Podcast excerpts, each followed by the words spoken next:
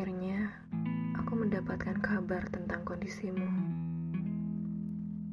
Sungguh sulit untuk mencari tahu apakah kondisimu baik-baik saja atau tidak. Kamu tidak akan pernah tahu bagaimana khawatirnya aku ketika mendapat berita bahwa salah satu pegawai di kantormu terkena virus mematikan itu. Kalang kabut aku ingin menelponmu untuk memastikan apakah kabarmu baik-baik saja atau tidak. Tapi selalu aku urungkan kembali niatku untuk menghubungimu lagi. Tidak, bukan aku menahan gengsi atau apalah itu.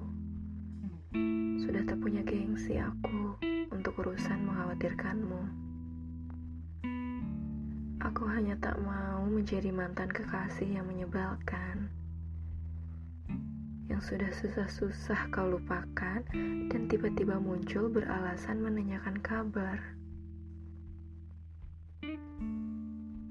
Satu-satunya cara yang bisa aku lakukan hanya merapal namamu dalam doaku.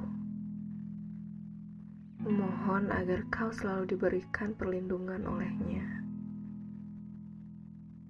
Sudah menjadi kebiasaanku bahwa namamu masih selalu kusebut di setiap sembahku.